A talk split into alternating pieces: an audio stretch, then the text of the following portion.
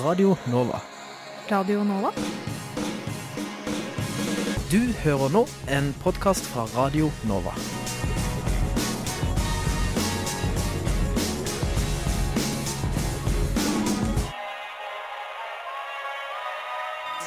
Studentnyhetene.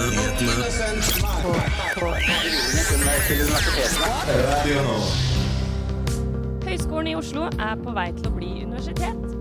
Blir Kurt Rice første rektor på Oslo OsloMet?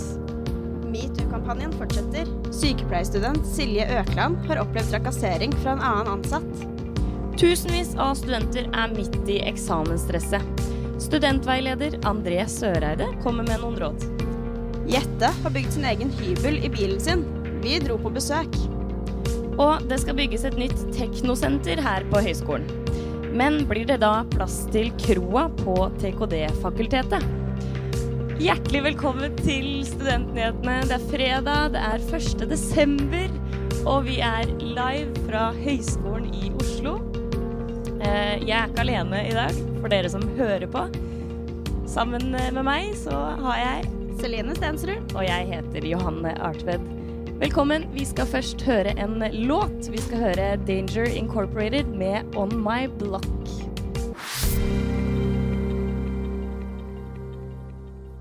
Vi er her altså på Høgskolen i Oslo og Akershus. Vi har med oss rektor Kurt Rice. Velkommen. Tusen takk for det. Eh, og tusenvis av studenter er jo midt i det her eh, som kanskje er en krise for mange. Eh, eksamen. Eksamen er jo Ja. veldig viktig. Ja. Eh, hvordan var du eh, i eksamenstida da du var student? Da sov jeg lite, og da prøvde jeg å lese mye. Og så satt jeg der og leste en halvtime og gikk en tur rundt i gangene og prøvde på en halvtime til. Og det, det gikk seg til etter hvert. Var det sånn som nileste rett før eksamen? Jo, det er jo bestandig eh, det som man gjør. Selv om man, selv om man prøver å lese jevnt og trutt gjennom hele semesteret, så er det likevel slik at eh, det gjenstår bestandig en del som må dekkes før eksamen. Ja. Det er godt å vite at du også Ja. Jeg var, ikke, jeg var ikke noen supersterk student. Nei. Nei, hvordan var du ellers som student? Nei, jeg trivdes veldig godt som student. Det gjorde jeg. Studentlivet er jo helt fantastisk. Men um, det tok meg litt tid å, å finne meg til rette i høyere utdanning. Det, det må jeg si. Det var en litt sånn eh, Det var en krevende overgang. og man begynner å studere og flytte hjemmefra og alt det der, alt i ett. og Det, det er mye som man må håndtere i den alderen, og den livsfasen. Det kan jo være en krevende tid for alle, egentlig. Ja. Ja, ehm, eh, vi kan snakke litt om det her med at høyskolen kan bli et universitet. Det kan vi gjerne snakke om. Eh, for nå ser det ut som en mangeårig prosess om at disse lokalene kan bli universitet, blir virkelighet. Eh, for to uker siden ble det nemlig klart fra NOKUT at dere oppfyller alle krav. I så fall kan du bli den første rektoren. Vil ikke det være artig? Ja. Eh, hvor nære er dere til å bli universitet? Nei, altså Som du sier, den, eh, den internasjonale såkalte sakkyndige komiteen kom med sin rapport her for, for et par uker siden, og de anbefaler akkreditering. Det skal likevel behandles først i NOKUD sitt styre 12.12., og så skal det behandles i Kunnskapsdepartementet, og hvis ikke det var nok, så blir det kongen i statsråd som tar den endelige beslutninga. Så det, det er litt prosess igjen, men eh, den største og mest usikkert momentet er jo nå bak oss. Ja. Hvordan eh, ser du på det å skulle lede et universitet? Jo, altså, jeg syns at uh, altså, jeg har en sterk idealisme for verdien av utdanning og forskning når det gjelder videre utvikling både av samfunnet og den, den enkelte. Så muligheten til å lede en slik institusjon, det kjennes faktisk eh, veldig stort. Det må jeg si. Det kjennes veldig stort. Ja. Hvordan eh, universitet vil du at eh, HiOA skal bli? HiOA skal bli et universitet som er tett på samfunnet, som, som eh, leverer kandidater som er klare til å gå rett ut i noen av samfunnets mest sentrale yrker. Noen av, av, av ja, sykepleiere, lærere, ingeniører og masse, masse, masse mer. Så vi skal fortsette med den profilen som vi har, som er retta mot profesjonsutdanninger, men vi skal rendyrke det. Så det skal være fortsatt mye praktiske utdanninger, og ikke bare de teoretiske, akademiske Nei da, vi fortsetter med de utdanningene som vi har, og skal gjøre dem enda bedre. Så bra. Ja. Eh, men navnet har jo skapt mye splid. Ja. Eh, men nå har du bestemt deg. Jeg har bestemt meg for hva jeg kommer til å anbefale våre styre til å ønske seg, for det er også kongen i statsråd som skal bestemme dette. Og da har jeg i går gått ut og sagt at jeg ønsker at vi på norsk, norsk heter Oslo Met, Storbyuniversitetet, og på engelsk Oslo Met, Oslo Metropolitan University. Det er jo ikke alle som liker det navnet, eller? Jeg har ikke registrert det. Nei. Nei? Siden kanskje det er på engelsk. Vel, alle institusjoner i høyere utdannings-Norge har et offisielt navn på norsk og et offisielt navn på engelsk. Og det skal vi også ha. Hva syns du, Celine, du som går her? Ja ehm, det, det, det var ikke den største fan av det navnet, det skal jeg innrømme. Men jeg har heller ikke noe bedre forslag. Nei, det er det som er saken. Altså, det skaper, altså, jeg, jeg, jeg, jeg tuller litt når jeg sier at jeg ikke har registrert det. Jeg har faktisk registrert stort engasjement, og det setter jeg veldig stor pris på. Det er noen som er kjempestore tilhengere. Anita Krohn Traaseth har vært ute på Twitter og sagt at det var helt fantastisk, og mange flere som har sagt det. Og så er det noen som ønsker seg noe annet, men de, men de, har ikke, de vet ikke hva de ønsker seg. ikke sant? Det var jo noen rykter om at Nova var et alternativ. Det er jo ganske mange her som hadde vært fornøyde med. Ja, men jeg skal si dere at det er omtrent én million av institusjoner i verden som heter NOVA. Og nett, nett eh, mul muligheten til å finne institusjon på nett er jo faktisk et viktig kriterium. Så det er ingen institusjoner som heter Oslo OsloMet, og én million som heter NOVA. Jeg tror vi går for det unike. Tusen takk for at du var her, Kurt Rice, rektor ved Høgskolen i Oslo og Akershus. Bare hyggelig. Jeg har egentlig sagt det, men jeg kan si det en gang til. Radio Nova. DAB og nettradio. på radionova.no. Jeg har egentlig sagt det, men jeg kan si det en gang til. Radio Nova. Det skal altså bygges et uh, nytt teknosenter på høyskolen. Men blir det da plass til kroa på TKD-fakultetet? Eh, vi har med oss Kristina Ellingsen, ingeniørstudent. Hallo. Og dekan ved teknikk, kunst og design, Egil Trømborg. Ja, navnet var riktig på meg, men fakultetet heter teknologi, kunst og design. Riktig. Vi har hatt litt problemer med deg. Teknologi, kunst og design. Det er bra. Der er vi.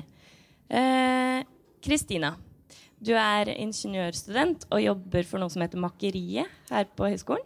Ja, det Hva, stemmer. hva er det? Eh, Makeriet er eh, vårt første eh, makerspace på høyskolen. Eh, I hvert fall i regi av høyskolen, tenker jeg. Et makerspace er i seg selv, i sin enkleste form, et rom med verktøy. hvor folk kan bruke de verktøyene som de vil. Vi prøver å gjøre det litt mer tilgjengelig, så vi har, vi har lagt inn vi har lagt inn eh, Det vi prøver å gjøre, er å gjøre teknologi tilgjengelig eh, på så mange måter som mulig for eh, de som studerer på TKD. Eh, det henger sammen med at vi har eh, vi har veldig mye teknologi i samfunnet vårt, men vi har ikke så mange anledninger til å bli kjent med hvordan man bruker det. Eh, og på Makerspace så får man da anledning til å kunne prøve seg fram. Og kunne møte andre som også prøver seg fram med da teknologi og samfunn og kunst og design som fokus. Er det bare eh, teknologi, eller på det fakultetet, de studentene som går der, som kan bruke det?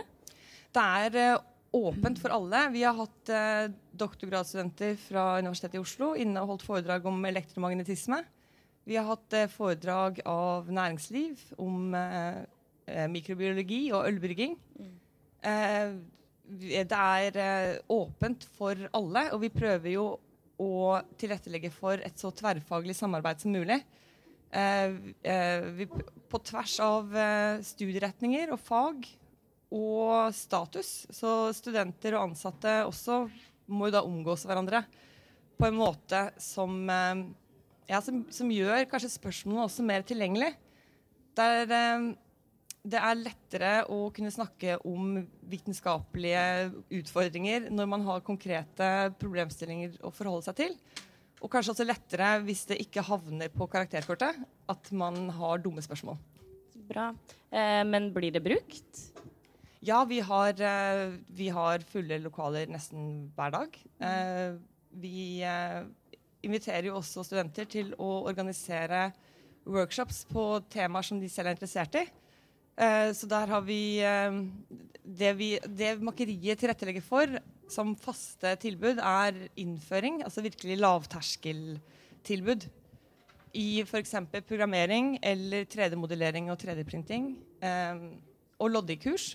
Eh, dette er veldig, veldig grunnleggende nivå, sånn at hvem som helst skal kunne komme ut av en sånn workshop med, med, med, altså med virkelig grunnleggende forståelse av hva disse tingene går ut på. Eh, men studenter kan også organisere videregående kurs på dette, og det, og det gjør de. Så vi har hatt eh, programmering i Arduino for viderekomne, eh, og også avans mer avansert 3D-modellering. Uh, og ja, det gir også studenter muligheten til å kunne vise hva de kan i et miljø som igjen ikke havner på karakterkortet. uh, og det gjør det ja, det er lavterskel da, i forhold til det med å kunne bruke det man har lært i teorien. Men eh, Egil Trømborg, det skal nå bygges et nytt og større. hva er det som blir annerledes med det her? Nå tenker vi å ta dette enda litt lenger.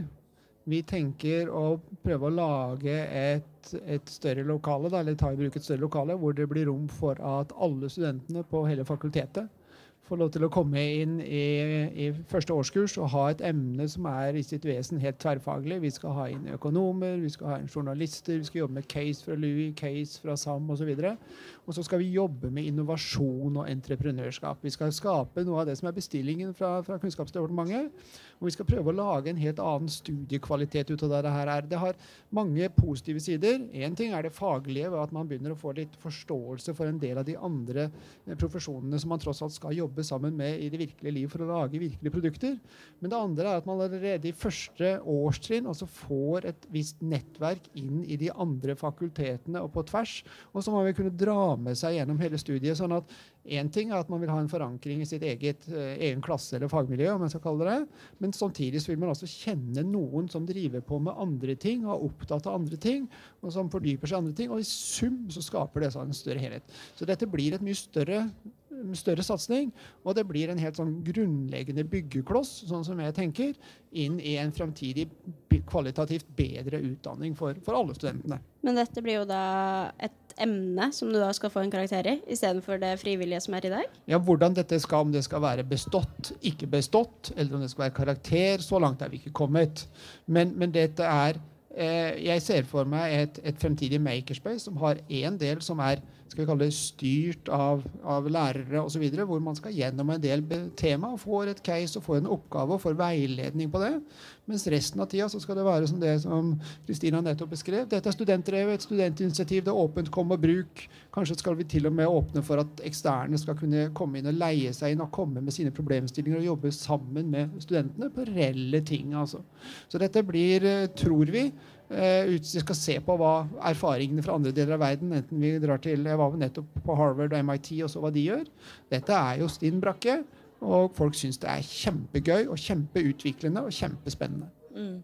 Eh, men eh, sånn som det er nå, så er Makeriet en linjeforening? Eh, nei, vi er Eller? ikke en linjeforening. Eh, det, vi, har, vi, er så heldige at det er en, en ingeniør som er ansatt, som både var den som starta prosjektet, og som nå er prosjektleder, Even Gieler. Uh, utover det så er det studenter som kan få studentassistentjobber i, uh, i Vi kaller dem superbrukere. Uh, som er med på å organisere og formidle. Men aktivitetene som skjer der, er studentdrevne. Og aktivitet utover det, de grunnleggende lavterskeltilbudene som, som har blitt utvikla, Nettopp for å gjøre det lettere for folk å ta det steget og begynne å eksperimentere med teknologi. Utover det så er det studentene som organiserer. Eh, vi samkjører det også med eh, Altså på på, I høyere utdannelse så er det alltid en kombinasjon av formell og uformell eh, læring som skjer. Og det vi har prøvd å gjøre, er å påpeke at, begge, altså at uformell aktivitet er også viktig, og vi prøver å samle opp det. Det gjør vi eh, ikke minst gjennom eh, å, å, dokumentere det folk gjør. de får mulighet til å kunne skrive ned, altså ja, logg, loggføre aktiviteter de har gjort, både i form av at de har vært på workshops eller holdt workshops, eller prosjekter de har drevet med, Ja. som gjør at det de holder på med, settes i en lekende akademisk setting. Og det tror jeg kan være lurt. Mm, det høres bra ut. Eh, vi skal snakke litt om en annen eh, linjeforening, Kroa, seinere i sendinga. Men tusen takk for at dere var her, Kristina og Egil. Radio Nova er best. Alle andre er tapere. Radio Nova. Vi er her live fra Høgskolen i Oslo og Akershus. Eh, det var altså Cancer med Die One More Time. Vi har med oss Joel Gianni. Eh, du er ingeniørstudent og også eh, representant i studentparlamentet. Mm, velkommen. Takk. Vi skal snakke litt om en sak som har vært ganske i vinden her på høyskolen i siste, om Mm. kroa skal legges ned på P35. Eh, hvordan går det med den saken? Det er fortsatt litt sånn usikkert. Vi har ikke fått eh, Det er jo egentlig opp til rektor til slutt, da. Men eh, vi har jo foreslått at eh, å si, altså, finne en løsning som går på ja takk, begge deler. Mm, fordi Eh. eh, det vi snakket om før denne sangen, var Makerspace Mm. og Makeriet. Eh, og da skal eh, det ta over for kroa? Er det sånn Ja. å forstå? Eller eh, Kro-lokalene, da. Så eh, Kro er jo en forening, og så disponerer de da eh, de lokalene i første etasje. Så er det snakk om at skal man flytte eh, Eller skal vi lage et nytt Makespace akkurat der eh, Kro er i dag, eller skal vi ha det et annet sted? Så vi har jo fortsatt f.eks. For eh, Akademika-lokalene, som er omtrent like stort som eh, Kroa. Det er på 140 kvadratmeter, mens Kroa er 145 i første etasje. Eh, og det mener vi er en sånn vinn-vinn-løsning. Eh, for da kan vi få begge deler. Vi, jo, vi ønsker jo Makespace, vi, også. vi ønsker jo den satsingen som nå kommer til å Jeg tror kommer opp på 4,3 millioner eh, eller noe sånt. Eh, og den muligheten og de ressursene vi får tilgang på, det er jo alle, ikke bare ingeniørene, men også hele TKD for. Bruker, Eh. du, bruker du Makeriet nå? Jeg har brukt det et par ganger. Jeg har venner som går på elektroingeniør, som bruker det veldig mye. Eh, det er egentlig mest for elektronikkingeniør i dag, fordi nå er det under eh, Instituttet for maskin, elektronikk og kjemi. Eh, men nå er det snakk om at man skal ha det i, si, under fakultetet, da, som, som skal være på en måte tilgjengelig for alle ingeniørstudenter og kunst- og designstudenter. da. Det høres jo ut som at du har lyst til å beholde eh, kroa og egentlig ha makeriet også. Ja, så løsninga deres er jo å finne et annet lokale, sånn at Mm. man kan ha begge deler. Ja, vi har jo et annet lokale. Eh, og nå blir jo Akademika ledig etter eh, sommeren, når man eh, pusser opp. For alle er enige om at vi ikke trenger bokhandel akkurat i P35. Eh, og da ser ikke jeg hva som er problemet med at man skal ha Makespace akkurat der, da. Eh, noe av det vår dekan sier, er at man ønsker synlighet. Eh, og jeg tror alle som har gått på P35 eller på skolen generelt, vet at det går langt flere forbi eh, Akademika enn Kroa. Nettopp fordi det ligger eh, en uh, trikk-holdeplass eh, på uh, Holbergsplass. da. Så um, jeg skjønner ikke hvorfor noen skal være mot det forslaget, egentlig. Det er jo, eh, da får jo vi Da blir jo alle egentlig fornøyd. Hvorfor er det så viktig for deg å beholde kroa? Altså, nå er jeg ferdig til sommeren, da, så jeg er ikke student lenger etter, eh, eh, etter det. Men jeg tenker at eh, noe av de tingene som jeg har lært som tillitsvalgt de siste åra på høyskolen, er at vi har for mange eh, av våre studenter som er ensomme. Eh, jeg tror godt over halvparten kommer ikke fra Oslo. Og da er det skolen som er liksom det viktigste stedet hvor man kan få venner. Eh, bygge et nettverk. Eh, og da mener jeg at vi trenger flere møteplasser, flere sosiale møteplasser. Og jeg mener at eh, Kroa er en mulighet for å kunne tilby akkurat det. da. At man får en tilhørighet til eh, sin skole. og eh, ja, det blir lett å få seg venner uh, på bygget sitt. da. Vi har jo hørt at dere har gjort mye for å prøve å beholde kroa. Har hatt noe demonstrasjonsopplegg. Ja. Vil du fortelle? Ja, altså Vi holdt høyskolens første demonstrasjon i eh, 16. 16. oktober, var det vel? Eh, nei, 16. november. Eh, det, var, det var ganske sjukt. Vi trodde det skulle komme 100 stykk, men det kom godt over 220. det viser at det er et stort engasjement for uh, å beholde det tilbudet man har i dag. Da. Uh, for KRO er jo nettopp det liksom, lavterskeltilbudet vi har på høyskolen for ingeniørstudenter og ØKAD under, under, under, SAM, som også holder til på P35. og det var Jeg tror det sendte et ganske sterkt signal. Vi hadde til og med et møte med rektor. og foreslo bl.a. at vi skulle gjøre kroa mer inkluderende. Uh, og sørge for at det blir brukt mer på dagtid. fordi det er jo noe av det som er uh, problemet i dag. Da, at uh, kroa ikke brukes veldig mye på dagtid. Um, så vi har foreslått at man skal fjerne alkoholen, f.eks. Uh, sånn at det blir liksom nøytralt og ikke assosiert med sånn pubstemning eller pub ja, pub-lokale, holdt jeg på å si. Da får vi håpe at vi får begge deler. Yes. Både Kro og Makerspace. Vi krysser fingrene. ja, tusen takk for at du var her, Joel Gianni. Bare hyggelig.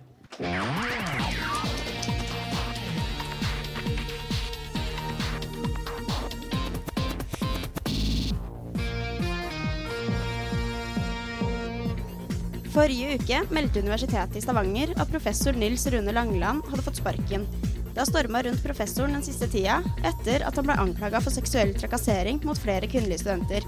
Dette skriver Universitas. Etter at psykologiklinikkene ved UiO ble stengt på dagen i høst, har det vært mye arbeid med å få de til å åpne igjen. I starten av november åpnet de dørene, og har nå en mer ryddig drifting av klinikkene. Dette skriver Krono. De har bl.a. innført et nytt journalsystem, og at det alltid skal være en veileder tilgjengelig når det blir gjort behandlinger av pasienter. Onsdag denne uka skulle 2700 BI-studenter i landet ha eksamen. Det endte med at systemene krasja, og at de nå har måttet utsette eksamen. Dette skriver NRK. Det var første gang en eksamen med så mange studenter skulle foregå digitalt, og det var derfor en hvit skjerm som møtte mange av studentene, siden systemene ikke tålte belastninga. BI sendte ut meldinger til studentene hvor de beklaga det som hadde skjedd, og skrev at eksamen var kansellert. Dette var ukens uh, nyhetsoppdatering. Tusen takk, Celine Stensrud.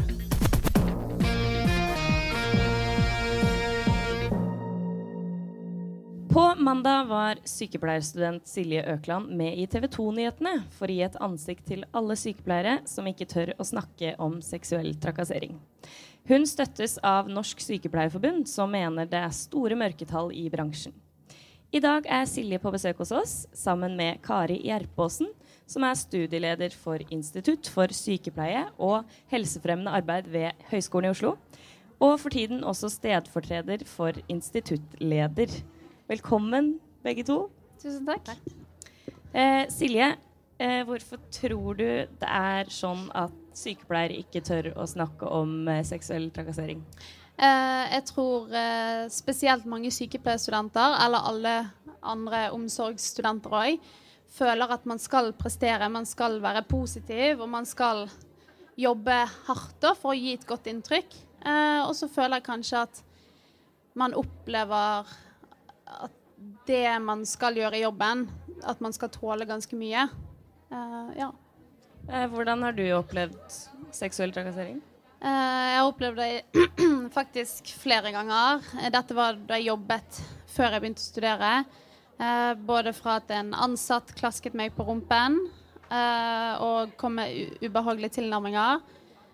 Og så har jeg opplevd av pasienter som kanskje har faktisk runket til meg og bedt meg gå vekk mens han fikk gjøre seg ferdig. Så eh, Kari, hvorfor eh, finnes det ikke et tilrettelagt system for å si ifra?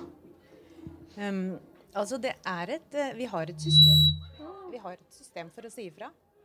Um, uh, vi har um, altså Først må jeg si at uh, vi tar det veldig på alvor. Mm. Det at uh, du, Silje, og, og dine medstudenter løfter den debatten her. Um, så, så, vi òg diskuterer denne tematikken i ulike fora. Både internt på høyskolen og også mellom, mellom institusjonene. og vi har òg diskutert i klassens time, der en student tok det opp og, og, har en plan for å, å følge saken videre.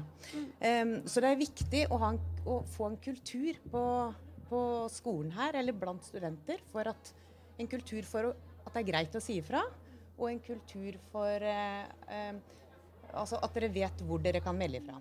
Og så systemet som du spør om. Vi har meldingssystemer og rutiner for det. Um, for studentene har et studentombud som de kan ta kontakt med hvis de opplever trakassering. Eh, I tillegg så har vi varslingsnemnda på høyskolen, som dere kan, eh, kan varsle til, da. Varsle direkte til hvis man opplever trakassering. Men eh, hva er det høyskolen gjør for å forberede studentene når de da skal ut i praksis, f.eks., hvor det er lettest å oppleve sånt? Ja, nei, altså jeg, eh, jeg tenker at det er kjempeviktig at den, tema, at det, ten, den tematikken blir løftet nå. For eh, det har jo ikke vært så mye snakk om, og vi trenger å snakke om det her. Og det er en veldig viktig sak. Så vi tar det veldig på alvor og, og, og for å løfte den saken her, og for at studentene eh, skal på en måte føle det trygt å kunne si ifra, og også føle en trygghet på hvor de kan si ifra, hvem de kan melde til. Visste du hvor du kunne si fra, Silje? Uh, nei. Uh, jeg vet at skolen har en sånn si fra-nettside. nettside. Og jeg gikk faktisk til studentparlamentet, de som har den siden, og der var det faktisk ikke kommet inn én sak. Eh, og jeg tror at for min del så trenger nok jeg ikke den følelsen av at jeg har et sted å gi, si ifra så sterkt, fordi at jeg er ganske rappkjeftet. Så jeg gir beskjed til der det måtte være. Men jeg tenker mer på de som Ja, Mener ikke du da tror... til den vedkommende som gjør noe mot deg? Nei, det gjorde jeg Eller? ikke. Eh, så heller til en som man føler seg trygg på. Og i eh, Skal vi se, hva var det jeg snakket om? Eh, jo, for en som kanskje ikke føler at eh, personen er så trygg på seg sjøl eller trygg på andre, så vil det være mye vanskeligere å føle å gi beskjed. Så det at man lager et mye større tilbud, eller ikke tilbud, men en kanal hvor man kan gi beskjed, og at det er synlig for alle, det tror jeg er veldig viktig. Har du snakket med andre studenter som har opplevd noe av det samme som deg? Ja, eh, jeg prøvde jo å finne ut om det var noen som hadde opplevd dette da jeg ble kontaktet av TV 2. Eh, og da eh, fikk jeg eh, eh, en beskjed fra en jente som hadde opplevd i praksis at det var en pasient som var veldig ubehagelig. Og så hadde denne studenten gått til praksisstedet, og da hadde praksisstedet sagt dette må man bare tåle. Og som student, man skal ikke tåle alt, for man er i en sårbar posisjon fra før. Så det at man får bedre veiledning, og at man gjør mange tiltak for at eh, praksistiden skal være bra for studenter. Hva tenker du om det, Kari? At sånne ting skjer i både praksis og seinere når man går ut i yrket? da? Nei, jeg tenker at det er veldig alvorlig, og det er viktig at vi tar tak i det og gjør noe med det. Og liksom de to hovedtingene er jo at det, at det er akseptabelt å snakke om, at det er greit å snakke om, og at man har et sted å melde sakene. Men har dere en god nok eh, dialog med praksisstedene? Vi har eh, sam tett samarbeid med praksis, men jeg tror nok at vi eh, i større grad kan diskutere denne tem tematikken med praksis. Eh, og ja, Så det, det vil vi gjøre, for det er veldig viktig. Eh, og det er jo en litt sånn gråsone på mange måter når dere studenter er, dere er ute i praksis, eh, men så er dere studentene som dere tilhører vår institusjon. Da. Så det er viktig å være tett, i tett dialog med praksis akkurat om denne eh, tematikken. Hmm. Tusen takk for at dere ville komme, Silje og Kari. Du hører på Studentnyhetene. Nå skal vi snakke litt om eksamen. Og vi har med oss eh, studentveileder og skrivementor André Søreide. Velkommen. Takk, takk. Og så har vi fått med oss noen studenter. Hei, hva heter dere? Hei. Eh, Sunniva heter jeg. Og Camilla. Hva studerer dere? Sykepleie. Sykepleie. Kult. Eh, André, eh, har det vært mange på døra di nå før eksamen? Eh, ja, det, det pleier å komme en del, egentlig. Ehm, men det pleier ikke å komme så mange i forhold til skriftlig skoleeksamen, men mest mot hjemmeeksamen pleier det å komme en del, egentlig. Er det mange som er stressa? Ja, eh, men det er jo litt fordi at eh, det er mange som benytter den skippertaksmetoden. Um, og kommer litt seint i gang, men det er jo ikke en dårlig metode. Men det metode. sa jo rektor her i stad at han også gjorde da han var student. Ja, men det, det er ikke nødvendigvis en dårlig metode. Eh, men du må gjøre det på rett måte da nå. Eh, men det er jo en overgang fra videregående å komme på høgskolen. fordi eh, det er mange som blir redd når de hører ordet akademisk. Og, og så er det mange som ikke helt har forstått drøfting. Og drøfting er, det er egentlig det som er gjennomgående i de som kommer. Eh, hva med dere studenter? Eh, har dere tatt i bruk eh, hjelp før eksamen? Nei, vi har eh, metoden skippertak, vi. Ja, det, det funker. Ja. Jobber best under press? Ja. Ja. Eh, ja. Eh, hva råder du André til å gjøre eh, dagen rett før eksamen? Skal man slappe av, eller må man sitte og nilese? Jeg tenker du på heimeeksamen eller sånn generelt? Nei, eh, dagen før, liksom. Ja, hvis, det en, eh, hvis du skal sitte der ned og ha seks timer skriftlig eksamen, så det er, det er mange som ikke gjør det der og det gjør- nå, da. Men jeg ville ikke anbefalt å sitte og nistirre i pensum til du skal inn. Jeg har, selv gjort det. Du leser helt til du skal gå inn døra, og så skal du sette deg ned. Men det blir ikke lærdom, det blir rett og slett memorering. Eh, så det jeg anbefaler dagen før, det er å slappe av, få ned pulsen. Eh, ikke prøve å lære noe ny informasjon. Eh, og I forhold til hjemmeeksamen, så eh, Når du får den hjemmeeksamen, så anbefaler jeg at de setter seg ned, kanskje to eller tre studenter, og diskuterer oppgaveteksten. Jeg har jo nettopp hatt hjemmeeksamen selv, og som en del andre studenter så frister det jo veldig mye mer å ligge i senga og se på Netflix når man har hjemmeeksamen. Eh, har du noen liksom, råd hvordan man kan komme i gang, sånn at eh, man ikke blir sittende natta før innlevering og eh, skrive seg halvt i hjel? Um, de, de rådene jeg gir nå, er ikke nødvendigvis de jeg sjøl benytter. Um, jeg hadde sett ferdig den Netflix-episoden iallfall. Uh, men det, det viktigste er å, å sette seg ned og forstå oppgaveteksten. For at du kan komme godt i gang, og du kan disponere oppgaver på en bra måte. Men så har ikke du helt uh, fattet, fått tak i den oppgaveteksten.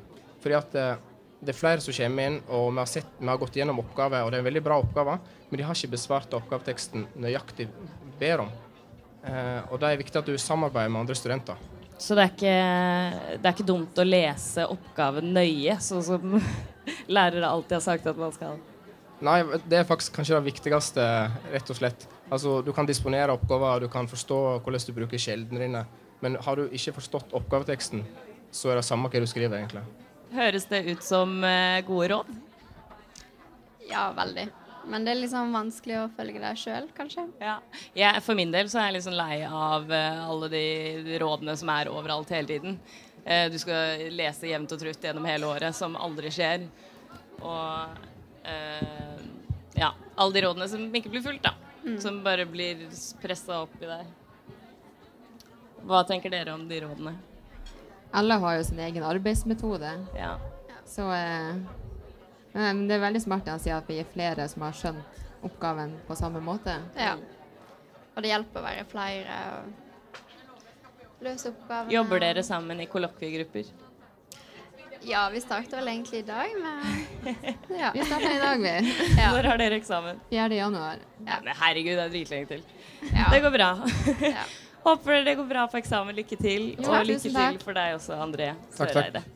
Student Jette Graner har bygget sin egen husbil, som hun skal bo i frem til januar. Vår reporter Selma Hellstrand dro til HiOA-kjelleren, eh, sin parkeringsplass, for å besøke Jette. Men eh, da har jeg litt sånn angst for å lukke opp. Så det er mange som lurer på hvorfor jeg ikke åpner opp når de ser at jeg er, er rett her inne. Jeg er på vei til HiOA Kjeller for å besøke Jette Gråner. I to måneder har hun bodd i en bil på parkeringsplassen utenfor skolen. Det begynte litt med at jeg ikke hadde et sted å bo, og så har jeg alltid drømt om å bygge min egen bobil, egentlig.